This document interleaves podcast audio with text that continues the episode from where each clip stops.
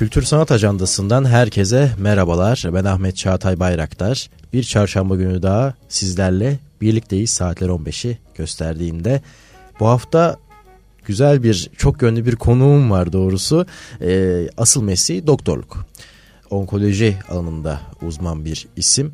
Fakat radyoculuk, e, müzisyenlik e, gibi belki saymayı unuttuğum başka e, çalışmalarını da olan Doktor Tayfun Hancılar benimle birlikte ve doktordan az kullanılmış kitabıyla birlikte Müptela yayınlarından çıktı ve içerisinde kendi hem öğrencilik hem de meslek yaşamına dair e, bizleri güldüren, e, gülümseten e, anekdotları mevcut. Ve kitabın açılış e, kısmında oldukça güzel ve e, güncel Türkiye'nin durumunu da gösteriyor bizlere. Şöyle yazıyor Tayfun Hancılar, e, Türkiye mutsuzluk sıralamasında epey ön sıralarda. Ben de 32 yıllık bir onkolog olarak hayatım boyunca mutsuzluk yerine gülümsemeyi tercih ettim. Yapabildiğim kadarıyla. Bu kitap yüzünüzde hafif bir gülümseme yaratabilmek için yazıldı. İlk 10 sayfayı okuyup kendinizi mutlu hissediyorsanız devam edin. Baktınız çok sarmadı, sevmediğiniz bir arkadaşınıza hediye edersiniz. Oldukça güzel ve e, cidden bu, bu tarz e, kahkahaları atmanıza neden olabilecek e, anekdotlar da e, mevcut. Hem meslek yaşamına dair hem de samimi bir şekilde. E, çok teşekkür ediyorum katıldığınız için. Hoş geldiniz. Ben teşekkür ederim. Çok teşekkürler. Sağ olun. Şimdi e, onkoloji çok e, aslında ciddiyet gerektiren bir meslek dalı. E, biraz da e, sert gerçeklerle karşılaşılan bir alan. E, çünkü ciddi hastalarla ilgileniyorsunuz. Ama burada da bizlere güldürmeyi teşvik ediyorsunuz. E, ilk başta bu kitap nasıl ortaya çıktı onu sormak isterim. Şimdi şöyle onkoloji diğer e, tıbbın diğer dallarından biraz farklı. Şöyle farklı. Mesela bir cerrahsınız işte bir fıtık ameliyatı yapıyorsunuz. Ameliyatı yaparsınız. Bir kere de kontrole gelir hasta her şey yolundaysa bir daha da görmezsiniz. E, plastik cerrahların içi daha da kolay. İşte bir burun kaldırma ameliyatı yapılır. Ondan sonra olabilecek en kötü şey yapılan kadının burnunu beğenmemesidir. Daha da kötü bir şey olmaz. Biraz söylenir, sinirlenir. Hani başınıza gelebilecek en kötü şey bu olur ama bir daha da hastayı böyle sürekli görmezsiniz. Şimdi onkoloji böyle bir şey değil. Onkoloji çok farklı bir şey. Ee, yani siz hastayı tedavi edip hadi güle güle diyemiyorsunuz. O hastayı yıllar ve yıllar boyu takip ediyorsunuz. Yani o hastayla birlikte oluyorsunuz. O hastanın evlenmesi, boşanması, çocuk yapması, çocuğunun liseye gitmesi gibi her konuda siz o şeyin içinde oluyorsunuz. Yani hayatı bu kadar birlikte yaşayan bir e, tıp dalı yok. Yani diğer dallar doğal olarak yani dünyanın en iyi beyin cerrahı olsanız hastanız ameliyat ettikten sonra en fazla iki kere görürsünüz. Ondan sonra artık hasta size gelmez. Bizim öyle değil. O yüzden biz tabii e, sadece hastayı tedavi etmiyoruz. Yani sadece radyoterapi ya da kemoterapi yapmak değil iş. O hastanın her şeyle ilgileniyoruz. Ben o yüzden e, aslında e, iki yıl önce Kanser Bitti Ya Şimdi diye bir kitap yazdım. O kitapta kanser hastalarının tedavi bittikten sonra nasıl yaşamaları, nasıl beslenmeleri gerektiğini çok sade ve anlaşılır bir dille yazmaya çalıştım. Neden? Çünkü şeyi fark ettim. Hastalar aktif tedavileri esnasında bütün akrabaları, eşi işte herkesten bir yardım görüyorlar. Herkes onu el üstünde tutuyor, herkes koşuşturuyor. En başta doktoru çok yakinen ilgileniyor. Fakat o tedavi bitip de hadi geçmiş olsun dediği anda Hasta yakınları o kadar yorgun oluyorlar ki onlar biraz kenara çekiliyorlar. E doktor artık daha az görmeye başlıyor hastayı. Hasta kendisiyle kalıyor. En yalnız olduğu dönemdir o. Ben mesela o yalnız dönemi nasıl rahat atlatacağını yazdım. Her şeyini yazdım ama. Cinsel hayattan çalışma hayatına beslenmeye kadar. E bu kitap onun tam tersi oldu. Çünkü o ciddi bir kitap. Yani e, bir hayatın nasıl sürdürülmesi gerektiğini anlatıyor. Orada hep şunu vurguladım ben. Kanser bitti lafı aslında bir başlık, önemli bir başlık. Ne zaman bitiyor? Tedavinin son günü. Yani size doktor tedaviniz bitti dediği gün siz kafanızda kanserin bittiğini ispat etmek zorundasınız. Eğer yapamazsanız bunu hep o hastalıkla 24 saat yaşamaya başlarsanız maçı kaybediyorsunuz. Çünkü yapılan araştırmalarda kanser hastaları eğer depresyonda olurlarsa tedavi uyumları kötü olduğu için sonuçları da kötü oluyor. Yani bizim aslında hastaları bir an evvel su yüzüne çıkartmamız lazım. Esas mesele bu. E bu kitabın da özelliği bu. Yani ben hep özellikle şunu söyledim. Sakın dedim keyifli zamanınızda okumayın. Çünkü zaten bu kitap keyif versin diye yazıldı. Siz bunu keyifsiz zamanınızda okuyun. Size en azından bir günlüğüne gülümsemeyi vaat eden bir kitap bu. E bu aynı şey açıkçası bizim için de geçerli. Yani hastalıkla uğraşmayan ama yaşamın yüklerini taşıyan insanlarda da aynı problemler var. Yani maalesef Türkiye orada ben yazdım mutsuz yani mutluluk sıralamasında çok gerilerdeyiz biz. O yüzden bu kitap aslında şunun için çıktı. Bir tarafta yıllar boyu hastalarıma hep şeyi anlatmaya çalıştım. Evet artık bitti. Bundan sonra hayatın içinde olun. Ne kadar mutlu olursanız o kadar sonucunuz iyi olacak. Bu kitap da aslında bunu anlatıyor. Hepimize diyor ki yani siz becerebildiğiniz kadar mutlu olun. Sonuç iyi olur merak etmeyin. Cidden aslında günlük yaşam içerisinde de sokağa çıktığımız zaman e, gülen yüzlere pek rastlayamıyoruz. Hele hele kahkaha atan kişilere rastladığımız zaman... Onlar e, genelde meczup olarak. Hani a, evet. Bunda problem var diyor herhalde sorunlu diyor. Yok şaka değil geçenlerde ben rastladım. Yani böyle kahkaha atan şey değil de bunlar ekstazi çekmiş dedi yanındaki arkadaş. Evet inanamazsınız yani adamın aklına ilk gelen şey bu oldu. Niye? Çünkü öndekiler çok kahkahayla gülüyorlar böyle bayağı sesli ve şey. Yani e, e, bizim çocukluğumuzda mesela annem öyle derdi. Çok böyle neşeli bir zaman geçirdiysek ailece ay çok güldük ağlamayız inşallah derdi. Yani öyledir bizim şey. Toplumumuzun kodunda o var herhalde. Evet, var. İlla ki e, bir şey güzel bir şey olduktan sonra olumsuz bir şeyin olacağı dair evet. bir düşünce söz konusu ve bu bizi biraz daha mutluluğa karşı temkinli kılıyor aslında. Ya mutluysanız bir problem var. Evet. evet. Yani ya aklınızda ya da başka şekilde. Ve e, siz de bu ön yargıyı kırarak aslında bu kitabı kaleme alıyorsunuz ve e, klişelerden biri olan bu doktordan az kullanılmış araba, otomobil e, sözünü de kitabın başlığı haline getiriyorsunuz ve e, doktorun Türkiye'deki ve yurt dışındaki farklı algılarına değiniyorsunuz. E, bu zaman bu algı zaman içerisinde Türkiye'de de değişti aslında. E, tabii bunun sosyolojik ve psikolojik bazı e, açıklamaları illaki vardır. Fakat sizin gözlemlerinizi rica edeceğim. Bu kitapta da yer verdiğiniz için özellikle dikkat çekmek istedim. Şimdi e, geçenlerde bu kitabı yazmadan önce bir araştırma yaparken doktordan az kullanılmış mobilya ilanı vardı. Otomobili geçtik artık geçtik. mobilya. Mobilya doktor arkadaş şöyle yazmış. E, mesleki nedenlerle yurt dışına gideceğim için temiz kullanılmış mobilya. Şimdi aslında bunun nedeni şu. Bundan yani bizim yetiştiğimiz dönemde doktorluğu daha yoğun yaptığımız dönemde doktor olmak önemli bir işti. Yani hocam diye hitap edilirdi.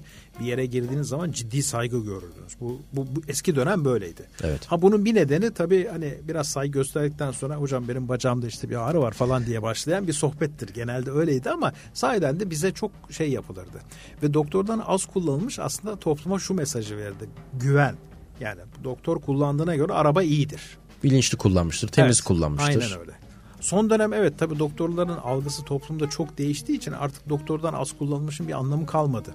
Fakat aynı dönem yani bizim böyle çok e, şey gördüğümüz dönemde ben işte Fransa'da çalışmak için gittiğimde ilk gün hastaneye girdiğimde çünkü ben şeye alışmışım yani ben Doktor Tayfun dendiğinde herkes böyle bir toparlanır bir işte hocam hoş geldiniz falan denir.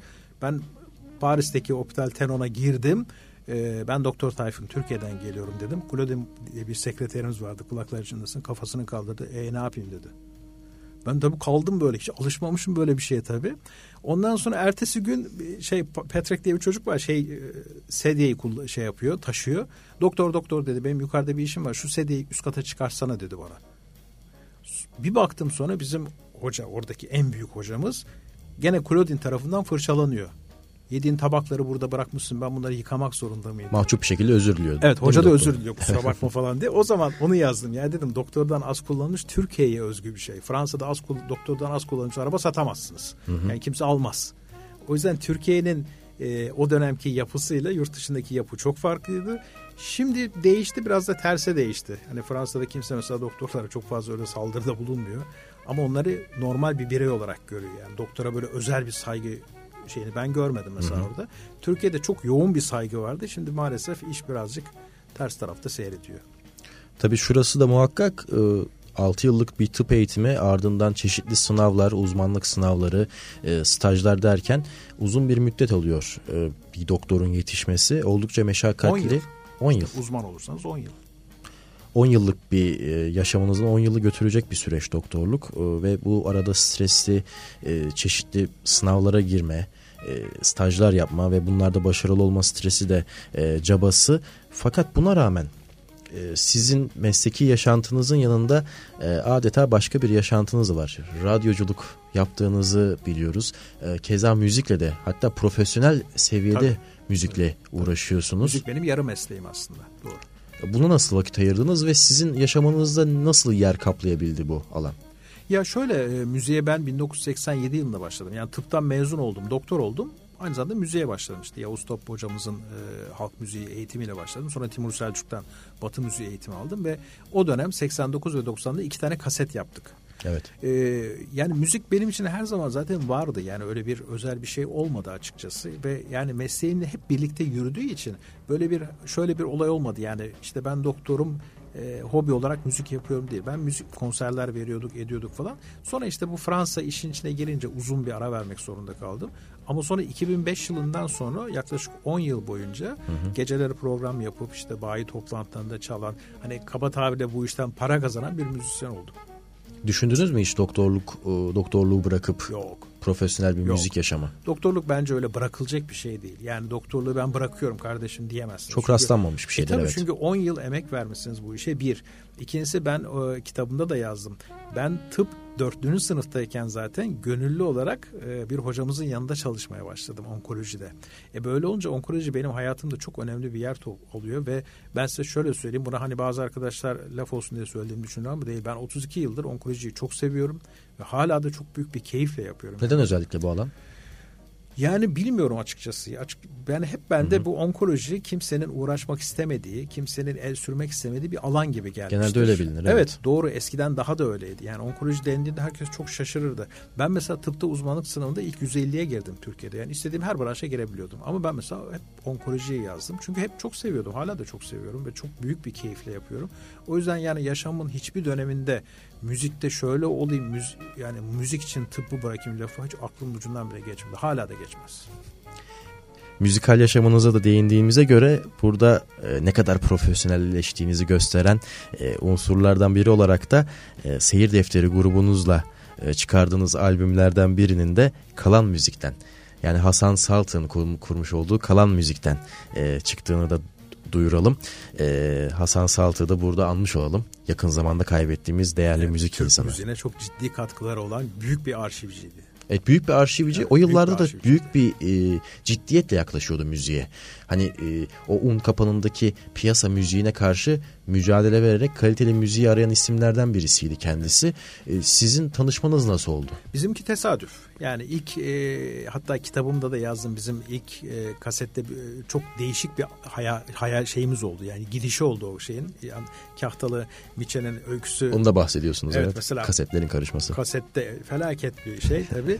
İkincisinde biz biraz daha şey olduk ya dedik hani bizim tarzımız böyle biraz daha entel danteliz ya biz. Hı hı. Ee, Hasan da o zamanlar böyle büyük bir heyecanla iş yapmak istiyor. Orada tesadüfen kesişti. Yani e, çok da çok da iyi oldu. Çünkü Hasan bize çok şey kattı. Biz de aslında Hasan'ın arşivinde değişik bir yer almış olduk. Biz Hasan'ın bildiğim kadarıyla ilk sanatçısı grup Yorum'du. Evet. E, ikinci de bizdik. Seyir defteri. Yani çıkarttığı ikinci e, prodüksiyon bizimkiydi. İlginç bir evet. durum değil mi? Grup evet. yorumdan sonra gelmek. Evet. E, büyük Ama Allah'tan grup. öyleydi çünkü grup yorum çok satıyordu. Evet. Biz çok az satıyorduk. Hani bizim gibi iki tane yapsa Hasan orada batardı. grup yorum aslında satışlarıyla Hasan'ı ve bizi kurtarmış oldu. Sonrasında e, Türk müziğine de dair büyük bir arşiv oluşturmasıyla bize güzel e, bir miras bıraktı. E, kalan müzik ekolü demek lazım bence. Ve e, dinleyicilerimizle sizin yaptığınız müzikten de bir e, örnek paylaşmak istiyorum aslında. E, Tırışka'dan Nameler albümünde yer alan gene albümle aynı isimdeki parçayı e, paylaşalım dinleyicilerimize bakalım nasıl bulacaklar.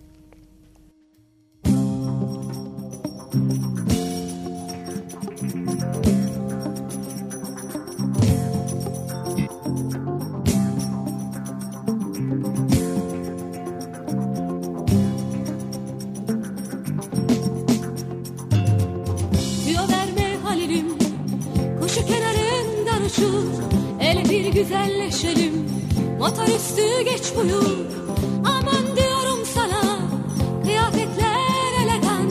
Ne alemler vardı Dramanda durmadan.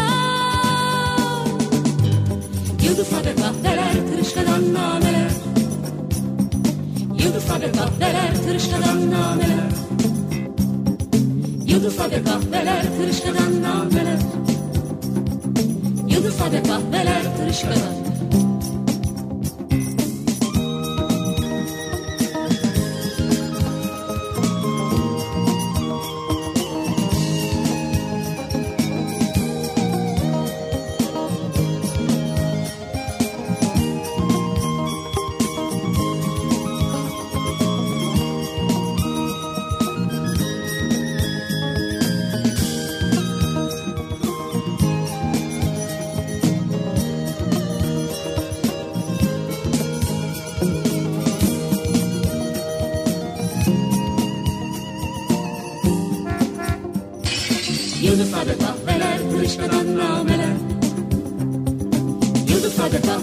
tırışkadan nameler Yıldızlarda kahveler tırışkadan nameler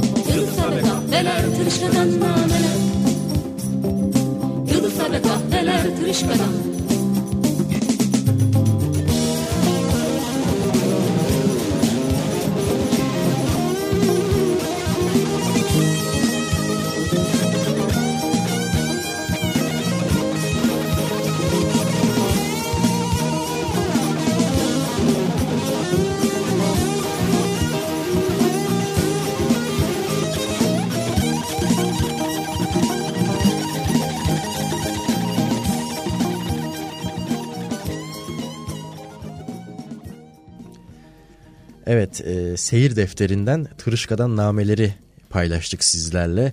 Tayfun Hancılar'ın Basta değil mi? Ben bu, bu şeyde bu söz şeydi benim de. E, besteyi ben yapmıştım. Hı hı. Bas çalıyordum. Ee, tabii sevgili Turul Karataş abimiz o zamanlar bilemiyorum kendisi hayatta mı rahmetli mi oldu. Ee, onun çok büyük bir desteğiyle yapmıştık. Çünkü biz yani şöyle söyleyeyim bizim artık müzik adına bir insanın olabileceği en acemi dönemdeydik. O dönem bize o çok büyük destek verdi. Onun sayesinde oldu. Hatta zaman zaman böyle dinlerken ya neler yapmışız biz falan diye aklımın ucundan geçer. Hatta bu kasetin e, Cem Karaca ile rahmetli çok ilginç bir şeyi vardır.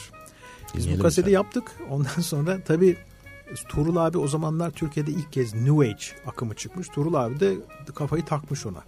Bizim bildiğimizden de ben hayatımda hiç New Age diye bir şey duymamışım. Bu kasette böyle değişik çok değişik denemeler yaptık. Mesela e, bir arkadaşımız bu özel çocukların eğitimiyle ilgileniyordu. Onlara mesela aç kapıyı bezirgen başını söyletip üzerine şarkının girişini yaptık falan böyle. Bu tırışkadan namelerde çok garip şeyler. Bütün şarkılar böyle garip yani. Çok da böyle entelektüel adamlarız ya o zamanlar öyle kabul ediyoruz kendimizi. Ondan sonra e, ben bir hastamın vesilesiyle Cem rahmetli Cem Karaca abimizle bir şeyimiz oldu, irtibatımız. Ben de Cem, Cem Karaca bizim için şey efsane yani hani evet. anlatılır bir adam değil. Dedim ya bizim kaset dinler mi? Ama tabii dedi çok yakın arkadaşımdır vereyim dedi. Verdi. E, Cem abiyle istersen bir yemek yiyelim dedi. Ben tabii ruhu teslim ediyordum orada. Yani Cem Karaca'da yemek yiyeceğiz. Sahiden e, bu film yapımcısıydı hastam benim. E, onun evinde buluştuk. Hı hı. Cem abi geldi. Yanında da e, çılgın eşiyle birlikte acayip değişik bir gece böyle anlatılır gibi değil falan filan. Biz de, ben tabii heyecanla bekliyorum hani Cem abi ne diyecek diye. Çok kibar bir adamdır rahmetli. Ya çocuklar dedi güzel bir çalışma ama dedi müzik dedi böyle aklınıza her gelenin yapılacağı bir şey değil dedi. o zaman anladım ki biz biraz şeyin dozunu kaçırmışız şeyde. Özgünlüğün. Sonra eşine dedi çok o dedim ya çok çılgın bir anımdı kulakları çınlasın. Ya Tayfun dedi ben seni çok sevdim dedi. Sen dedi çok iyi bir çocuksun dedi. Yani sohbetin falan her şeyin çok iyi ama kardeşim dedi bunlar ne kadar kötü şarkılar bunlar dedi. Cem abinin orada şeyini hiç unutamıyorum. Ya dedi bu dedi herkese böyle der dedi falan filan dedi. Olayı toplamaya çalıştı. Yani Tırışka'dan nameler bilemiyorum. Hani şimdi yayınlansa nasıl bir etki yapardı ama o dönem bilmem bayağı şey yaptık biz sattık o kaseti. Güzel oldu yani. Evet e, müzik tarihimize geçen aslında bilinmeyen de bir parça. Evet. E, ve ciddi anlamda asıl mesleği müzisyenlik olmayan bir kişinin bestesiyle olması da bence e, özel e, keşfedilmeye değer bir e, albüm ve kalan müzikten çıkması da daha önce bahsettiğimiz gibi oldukça hoş bir anekdot ve siz burada e, mesleki yaşamınızdan anekdotları da yer veriyorsunuz. Evet. E, ve cidden hani bir doktorun bir doktora karşı neler düşünebileceği veya doktorun hastaya karşı neler düşünebileceğine dair e, samimi bir şekilde açıklıyorsunuz. Mesela SSK yıllarında unutulmaz doktor hasta ilişkileri Evet doğru. e, başlıklı yazınız da bu kitapta yer alıyor ve e, aslında çok da uza- uzun bir e, zaman olmayan e, SSK zamanlarını anlatıyorsunuz. E, şu an tabii e, devlet hastanesinde görev yapmıyorsunuz ve e, o yıllar nasıldı şimdi günümüzden e, geçmişe baktığınızda neler görüyorsunuz? Ya SSK döneminin şöyle bir özelliği vardı. Onkoloji sadece İstanbul ve Ankara'da vardı. Yani siz Hakkari'de bir kanser teşhisi aldığınızda SSK'lıysanız gelmek zorundaydınız. Yıl kaç? Ee, ben ne zaman başladım? 90 94 yılında yurt dışından döndüm. Demek ki 94-95'te yıllar. Çok da uzun bir zaman değilmiş aslında. Çok değil eski bir aslında zaman ama değil. şey yani o dönem öyleydi. Tabii Evet, böyle evet, evet. olunca şöyle düşünün. Diyelim ki İstanbul'da e, bin tane kanser teşhisi almış insan varsa SSK'lı her ilden 300'er 400'er tane daha geliyordu. Yani dehşetli bir kalabalık anlatılır gibi değil. Şöyle söyleyeyim yani bizim koridorlarımızda nefes almak dahi mümkün değildi. Günde 100 hasta falan çok rahatlıkla bakardık ama hani onlara da ne kadar bakardık yeminle ben de bilmiyorum. Çünkü son derece kısıtlı bir zaman öyle hani numaratörler falan filan da yok. Yani dışarıda birbirini yiyor şeyler. Ben hiç unutmuyorum bir gün ben geldim odamın önü böyle tamamen insan dolu ama yani gram kımıldayacak yer yok. Ve ben giremiyorum içeriye giremiyorum. Yani girip muayene yapacağım. En sonunda bağırdım ben Doktor Tayfun içeri giremiyorum dedim. O böyle hani Kızıldeniz'in açılması gibi bir anda o insanlar böyle bir açıldılar. Ben aradan geçtim fakat çok ilginç. Ben yürüdükçe arkadan şey kapanıyor. Fermuar Çünkü- gibi. E tabii çünkü herkes e, Yerini kaptırmamaya kaptırmak çalışıyor. istemiyor. Ee, çok zor e, yıllar olduğunu söyleyebilirim. Özellikle o dönem tabii benim çok üzüldüğüm şeydi. Kemoterapi yazdığımız zaman o zamanlar eczaneden alamıyordunuz ilacı. Evet. Mecbur hastanenin eczanesinden alıyordunuz. Geceden girip şey yapıyorlardı. Sıraya giriyorlardı ki ben reçeteyi yazdığımda koşarak gidip sıradaki kişiye verip o böyle bir kutu içinde ilaçlar veriliyordu. Biz uyguluyorduk tabii. Zor dönemlerde açıkçası. Ama ben gene de o dönemlerin hani böyle akılda kalan en azından insanı gülümseten anlarını yazmaya çalıştım. Evet. Tabii ki hani orada da belirttim. Bunlar zor yıllardı ama ben zaten yeteri kadar hayatımız zor. Yani gazeteyi açtığımızda zaten hep olumsuz şeyleri okuyoruz. Hani bu kitapta bari en azından biraz böyle yüzümüzü güldürecek şeyler olsun diye o dönemin hep böyle hani mizahi anlarını yazmaya çalıştım. Bunların arasında e, aynı odayı paylaştığınız bir arkadaşınızın e, hastayı e, sigara içerek e, muayene etmesini de anlatıyorsunuz. O Evet. yıllarda Serbest halk otobüsleri dahil olmak üzere her yerde devlet dairelerinde ve hastanelerde bile sigara içimi serbestti. Tabii her yerde uçaklarda da uçakta da sigara içebiliyorsunuz. Sigara içilen böl- bölüm var değil Aynen mi? öyle. Ee, de, hatta bunu yazdığımda Levent'in özel iznini aldım dedim. Bak senin adını da yazacağım diye yaz yaz artık çok zaman geçti dedi. Ee, gerçekten de şaka değil yani Levent çok sigara içiyordu. Kulaklar çınlasın yani günde 3 paket falan sigara tüketiyordu ve onkoloji uzmanıydı. İşte bir gün hastaya böyle elinde sigara e, sigara içiyor musun dedi hastaya. Hocam bırakamadım dedi. Levent şöyle sigarasından bir nefes aldı. Bırakman lazım dedi. Biz böyle kaldık tabii. yani bu tip böyle hani dediğim gibi e, can sıkıcı bir olayın daha yumuşak şeylerini yazmaya çalıştım. Hani derler ya zaten e, komedya için komedya eşittir tragedya artı zaman. Ya trajik bir durumun üzerinden e, zaman geçtikten sonra Aynen. o bize komik bir durum haline Yaşarken çok komik değildi öyle söyleyeyim. Evet. Yaşarken aslında e, trajik bir manzara olarak gördüğümüz e, durumlar zaman içerisinde e, gülümseten anekdotlar haline gelebiliyor. E, ve radyoculuk. Evet. Programın başına da bahsettiğim gibi radyoculuk da yaptınız. Alem Efendi evet. O nasıl çıktı? O biraz tesadüf oldu. Beni e, bir programa çağırdılar. O programda benim de keyfim çok iyiydi. E, sunucu arkadaşım da o gün böyle bir herhalde canı sıkkındı. Pek formunda değildi. Ben de çok böyle o kadar komik, eğlenceli şeyler anlatmışım ki çıktıktan sonra şey yaptılar. Hocam siz program yapın dediler. E, ondan sonra başladı benim radyoculuk programım. Pazar günleri bir buçuk saat. Ama tabii yani şöyle söyleyeyim size rahmetli Müşfik Kenter'den rahmetli Erkin Koray'a, Erol Büyükburcu'ya ben bütün bu yani e, Türkiye'nin dev insanlarını ağırladım orada. Hatta e, rahmetli Müşfik Kenter geldiğinde bütün radyo aşağı inmişti Müşfik abiyle e, beraber fotoğraf çektirmek için. Erol Büyükburç geldiğinde rahmetli e, radyonun bütün kadınları oradaydı öyle söyleyeyim size. E, o da böyle çok benim hayatta gördüğüm en renkli en değişik insandır. Böyle birçok hanım dizilmiş şey yapmak istiyorlar işte konuşmaya çalışıyorlar.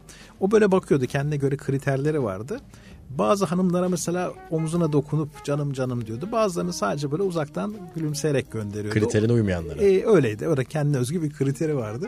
Yani o radyoculuk dönemimde e, inanın bana Türkiye'nin en böyle belli başlı insanlarına konuk ettim. O çok onur duyduğum bir dönemdir ve bende dehşetli anları olan yani çok da severek yaptığım bir dönemde ama sonra artık şey yapamadım yani.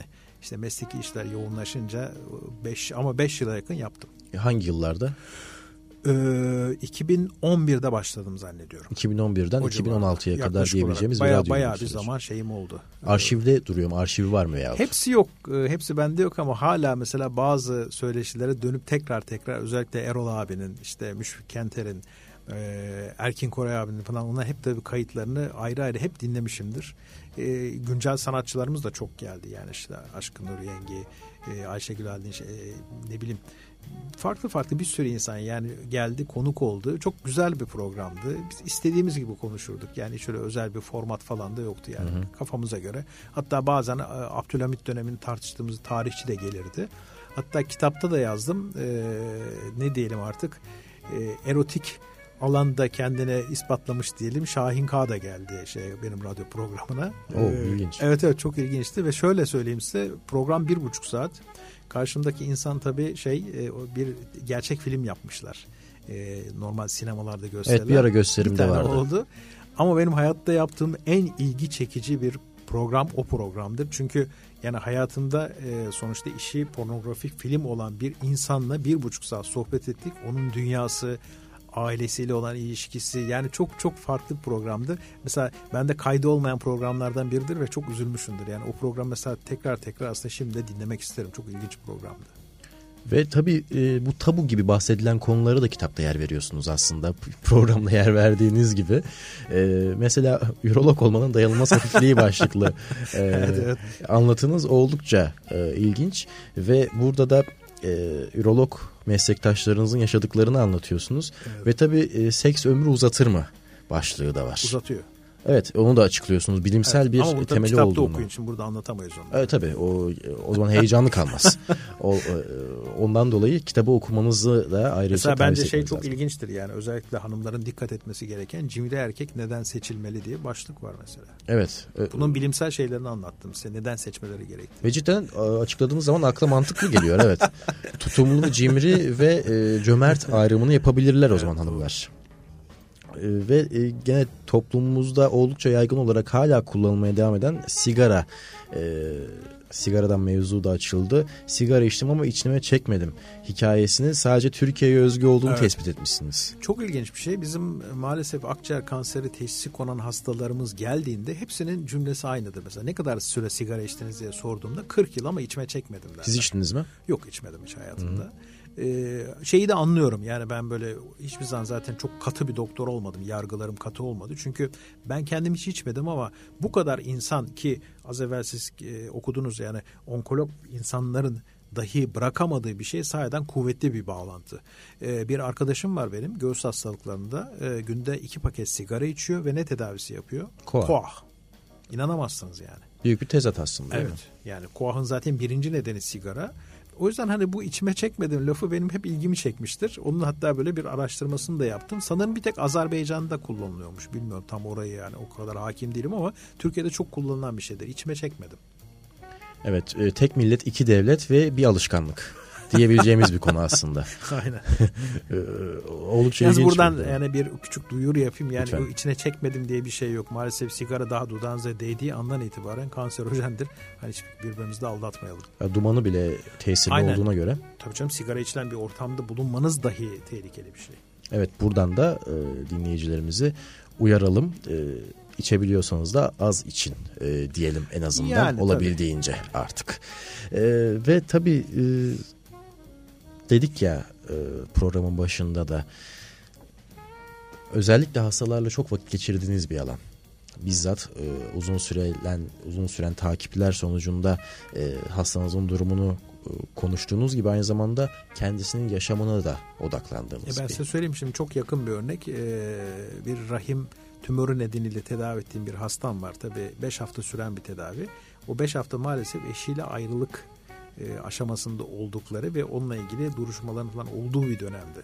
Yani biz mesela hastalığı kadar e, mecburen tabii onu da konuştuk. Çünkü yani sonuçta bir insanın sadece kan tahliline bakmakla bu iş bitmiyor. Yani e, karşınızdaki insanı çok derinden yaralayan iki olay olmuş. Bir hastalık bir de eşinin de olan bu olumsuz şey. Mesela bunu biz mecburuz o hastayla birlikte 5 hafta yaşadık. E, psikolog fonksiyonunuz da var aslında. Yani psikolog demeyelim ama hani karşınızdaki insanı anlamanız lazım. Hı-hı. Yani e, şey çok kolay değil. Bugün e, işte çok birçok eğitimlerde bulunmuş işte ne bileyim çok böyle hani dünyayı gezmiş bir insan da hasta olduğu zaman bir psikolojisi vardır.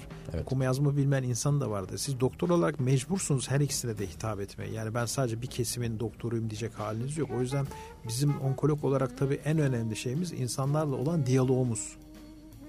Buradaki diyalog da e, sonuçta olumsuz şeyler konuşulduğu için ve durum da olumsuz olduğu için aslında sizi de potansiyel olarak e, aşağıya çekebilecek, e, üzebilecek bir e, durum da söz konusu. Buna karşı nasıl e, korunuyorsunuz? Ya şöyle tabii konu yani özellikle vurguluyorum. Yani benim hayatım da sürekli kahkahalarla güle oynaya şeyle geçmiyor. Yani hepimizin hayatında bir takım zorluklar var. E bunun gibi sonuçta meslek bizim seçtiğimiz meslek yani onkolojide de zorluklar var. Yani yapabilecek bir şey yok. Yani hastalığın şeyi bu. Yani her zaman büyük başarılar elde ettiğimiz bir alan değil. Bazen çok başarısız olduğumuz dönemler de oluyor. Yani burada tabii mühim olan şu e, hastaya e, mücadele gücünü vermeniz lazım. Bütün işin sırrı bu. Yani çünkü şöyle bir şey var. Bir insana şöyle bir şey diyemezsin. Sana kanser teşhisi kondu. Sen hiç bunu şimdi kafana takma. E, gülüp oyna böyle bir şey mümkün değil ki bizim hasta yakınlarının en çok yaptığı hatadır. Benim de hasta yakında ilk söylediğim cümle budur. Hastayı rahat bırakın. Çünkü bir insana bir kanser teşhisi konduğunda elbette ki başlangıçta üzülmesi, biraz böyle hani kendini kötü hissetmesi, ağlaması bunlar çok doğal şeylerdir. O dönem biraz rahat bırakmak lazım hastayı. Ama siz en kısa sürede hastaya o mücadele hissini vermek zorundasınız. Veremezseniz zaten hasta mücadele etmez. O yüzden hani biz şey yapamayız böyle hani işte bizim hastalık zor şöyle böyle diyemeyiz. Biz kendimizi en başta yani doktor olarak benim kendimi suyun yüzünde tutmam lazım ki e, yanımdakini de yukarı doğru çekeyim. Yoksa ben de dipteysem zaten bir işe yaramaz. O yüzden benim aslında bu işte kitaplar, müziktir, şudur budur falan yaşama biraz daha böyle e, gülerek bakma nedenim bu. Yani bir tarafta zaten zor bir meslek var. E bir de ben çok aktif çalışan bir doktorum. Yani hani öyle günde bir iki hasta görmüyorum. Çok sayıda hasta görüyorum. Evet. O yüzden ben bütün bu yaptıklarımla biraz böyle kendimi su yüzünde tutup en azından konuştuğum insanlara o şeyi vermeye çalışıyorum. Yaşam e, mücadele gücünü. Çünkü şunu söyleyemiyorum. Sen bu mücadeleyi yapacaksın ve yüzde yüz kazanacaksın cümlesini söyleyemiyorum. Ama şunu söylüyorum. Ne kadar çok mücadele edersen bu hastalığın üstesinden gelme şansın o kadar yüksek olur. Bu da bir gerçek tabii. Bunun da etkili olduğuma şüphem yok evet. doğrusu. E, müzik çalışmaları devam ediyor mu? Ediyor ediyor. Hatta e, şimdi işte tabii biraz kitap 2-3 ayımı aldı. E, evet. E, hatta şimdi ikincisini yazmaya başladım işte. Ha, devamı da gelecek. Tabii tabii inşallah. Yani zaten en sonda yazdım devam devamı var diye. E, Aynı zamanda bir de çok uzun süredir e, çocuk has, çocuk kanser hastalarına yardım eden, onlara çok ciddi destek veren bir e, şey var, kuruluşumuz var. O kuruluşa destek amaçlı bir değişik bir müzik projesi düşünüyorum. Fakat biraz gerçekleştirmesi zor bir iş. E, o yüzden hani şöyle bir 4-5 ayımı en azından işin şeyi alacak. Yani organizasyonu alacak ama zannediyorum Ocak-Şubat aylarında değişik bir proje gündeme gelecek. Bir albüm yoksa müzik Yok bir single. Bir single. Ama farklı bir şey yani ve umarım hani e, o derneğe de güzel bir katkısı olacak bir iş yapmaya çalışıyorum. Derneğin ismini paylaşabiliriz. Sonra paylaşayım. Daha şimdi hocalarla daha kendileriyle konuşmadım bile o kadar yani. Sadece benim kafamda var. Ama şu var biz mesela bundan 3 yıl önce e, onkologlar bir araya geldik. Türkiye'nin en tanınan onkoloji uzmanları. E, sağ olsun Salih Bademci'nin de çok büyük bir katkısı oldu. Sözlerini ve müziğini benim yazdığım ve kanser hastalarına e, seslenen Yalnız Değilsin diye bir şarkı yaptık. Ve bunu onkologlar stüdyoya girdiler. Klip çekildi ve e, Pembe İzler Kadın Derneği'ne bir proje için bütün geliri oraya bıraktık. Hı hı. E, bundan 4 yıl önce benim tedavi ettiğim 9 tane meme kanserli hasta kadın ki yaşları 45 ile 79 arası değişiyordu. Onlarla birlikte aynı sahnede Türkçe rock söyledik. Annenizin dahil olduğu... Aynen, aynen. Yaşam Korosu diye. E, 450 kişi vardı. Sağ olsun birçok firma çok ciddi desteklerde bulundu. Türk Kanser Derneği'ne şey yaptık Bunu bir bağış olarak gerçekleştirdik. Bu projede inşallah e, ümit ediyorum ki güzel bir proje olacak. Öyle düşünüyorum. E, anlatıyorsunuz tabii sizin sıra dışı bir doktor olmanızı anneniz de biraz e, garipsiyor doğrusu. Annemin hiç memnun olmadığı konu çünkü annem Selanik kökenli bir kişi. Onlar e, büyürken rahmetli anneannem konuşmazmış. Yani bana su verin demezmiş. Sadece yaparmış. O öksürdüğünde annemle teyzem hemen fırlayıp onun isteklerini yerine getirir. Öyle bir disiplin. Öyle bir disiplin. Tabii kadıncağız zavallı böyle bir disiplinle yetiştikten sonra oğlu böyle çıkınca tabii çok büyük hayal kırıklığına uğradı. Yani doktor olmamdan dolayı çok gurur duyar ama onun dışında hep söylediği şu vardır. Ben bu çocuğu böyle yetiştirmedim. Bunu doktorluk böyle yaptı diye. O şöyle düşün yani ben çok iyi yetiştirdim. Sonra bu çocuk bozuldu. İşte o bozulmalar da bu şeydir mesela müzik. Annem mesela müziği hiç anlamaz. Yani niye yaptığımı da hala şey yapmaz. Hatta kitapta da yazdım. Sevgili Sinem Kobal ve e, Betül Demir'in olduğu bir e, magazin programı. Çok meşhur bir şeyde iki tane de sunucu hanım var. Ben dört hanımın arasında çok böyle mutlu bir şekilde bir program geçiriyorum. Annem programı seyretmiyor ve işte oğlum bak televizyonda falan diyenler de sinirleniyor. Niye? E çünkü koca doktor öyle der bana sen koca doktor adamsın diye. Evet annem pek hala bu işleri şey yapamadı. Belki de e, hani bu koca doktorların veya koca öğretmenlerin, akademisyenlerin e, bu gibi e, çalışmaları, sanatsal çalışmaları bizlerin hayatına biraz daha e, neşe katacak. E, bu kitapta da olduğu gibi e, kitabın devamı gelecek dediniz. Gelecek, gelecek. E, tamamlandı mı? Yok daha yazıyorum. Daha yazmaya devam Yazıyorum. edeceksiniz. Evet. Gene bu temayla mı? Aynen aynen. Yani ben bütün derdim şu hatta ben hep söylüyorum bu kitabı keyifliyken okumayın diyorum. Niye Hı-hı. diyorlar? E zaten keyiflisiniz diyorum. Yani bırakın o zamanı şey yapmayın. Kitapla ben bu kitabın böyle hani modumuz düşer ya. Evet. Alıp böyle bir saat, iki saat her şeyi unutarak böyle hafif bir gülümsemeyle okuyacağınız bir kitap olarak tasarladım. İkincisi de öyle olacak inşallah. Harikulade. Ee, son olarak eklemek istedikleriniz neler olur? Valla ben aslında yani her şeyi şarkılarda, kitaplarda anlatmaya çalışıyorum. Yani bütün bu yaptığım işler aslında birisinin sorduğunda dedim ki ben bunların hepsini aslında kendim için yapıyorum. Çünkü kendimi mutlu hissettiğim işleri yaptıkça o zaman esas mesleğim olan doktorlukta da zannediyorum hani içeri giren insanların bir yüzüne gülümsersiniz ya çok evet. önemlidir o. Yani içeri ilk girdiğinde doktorun size gülümsemesi çok büyük bir şeydir bana göre. Çünkü ilk kontak orada kurulur zaten. Çünkü hastayı tanımıyorsunuz ilk defa geliyor size. O yüzden o gülümsemeyi sağlamanın yolu işte bunlardan geçiyor. O yüzden ben bütün bunları aslında kendim için yapıyorum. Yani kendimi su üzerinde tutmak için. Evet hepimiz de umarım bu durum içerisinde, bu yaşam içerisinde e, farklı koşullarda olsak da su yüzünde kalmaya devam edebiliriz. Valla edin çünkü yaşamın şey sınırı belli. Yani şu an 200 yaşına kadar yaşayamıyoruz. Sınır, Bunu unutuyoruz bazen değil, değil mi? Unutuyoruz. O yüzden tabii ki ben hep söylüyorum yani elbette insanların dertleri olacak. Yani her şeyde böyle hep güllük gülistanlık değil. Hele hele Türkiye gibi e, maalesef sorunların başka ülkelere göre daha fazla yaşandığı bir ülkeden bahsediyoruz. Ama şu var ben kanser hastalarına hep şunu söylerim. İstersen evine git 24 saat perdeleri kapat. Sadece hastalığını düşün veya aç perdeleri dışarıya çık. Gez, toz bir şeyler yap yani. O yüzden bizim de hayatımız böyle yani. İstiyorsanız oturun sabahtan akşama beş arkadaş toplanıp e, Türkiye'nin nasıl batacağını da konuşabilirsiniz. Bu da bir seçenek bir şey diyemem. Ben bunu tercih etmedim ve yani gerek bizi dinleyenlerden gerek yakın çevreme gerek kendi çocuğuma hep onu anlattım. Yani hayat belli sonunda ne olacağı belli. Sen o arayı iyi değerlendir. Değerlendiremezsen ya ben geri döneyim de e şimdi şey gibi de olmaz şimdi e, rahmetli oldu bizim bir hocamız 65 yaşına kadar yani gece 11'lere 12'lere kadar çalıştı. Emekli olduğunun birinci yılında lösemi oldu. Yani hayat öyle zannettiğiniz gibi plan programla yürümüyor. Öyle diyordu bize. Artık çocuklar emekli olacağım, Datça'ya yerleşeceğim ama yerleşemedi. O yüzden hani hayatı bu kadar da böyle e, sorumsuzca da harcamak doğru değil. Tabii ki problemler olur. Canınız 3 gün sıkılabilir, 15 gün sıkılabilir ama siz onu aşmak zorundasınız. Başka yapabileceğiniz bir şey yok. Evet her şeye rağmen hayat e, devam eden ve durağının son durağının neresi olacağı belli bir yolculuk. E, ve bu kitap sayesinde doktordan az kullanılmış kitabı sayesinde de yaşamın renkli yönlerini e, gülümsememiz gereken anları hatırlıyoruz. Ben çok teşekkür ediyorum. Ben teşekkür ederim Bize, davetiniz için. E, geldiğiniz için programımıza konuk olduğunuz için. Evet e, Doktor Tayfun Hancılar'la birlikteydik. Müptela yayınlarından çıkan Doktordan Az Kullanılmış e, kitabını konuştuk kendisinin.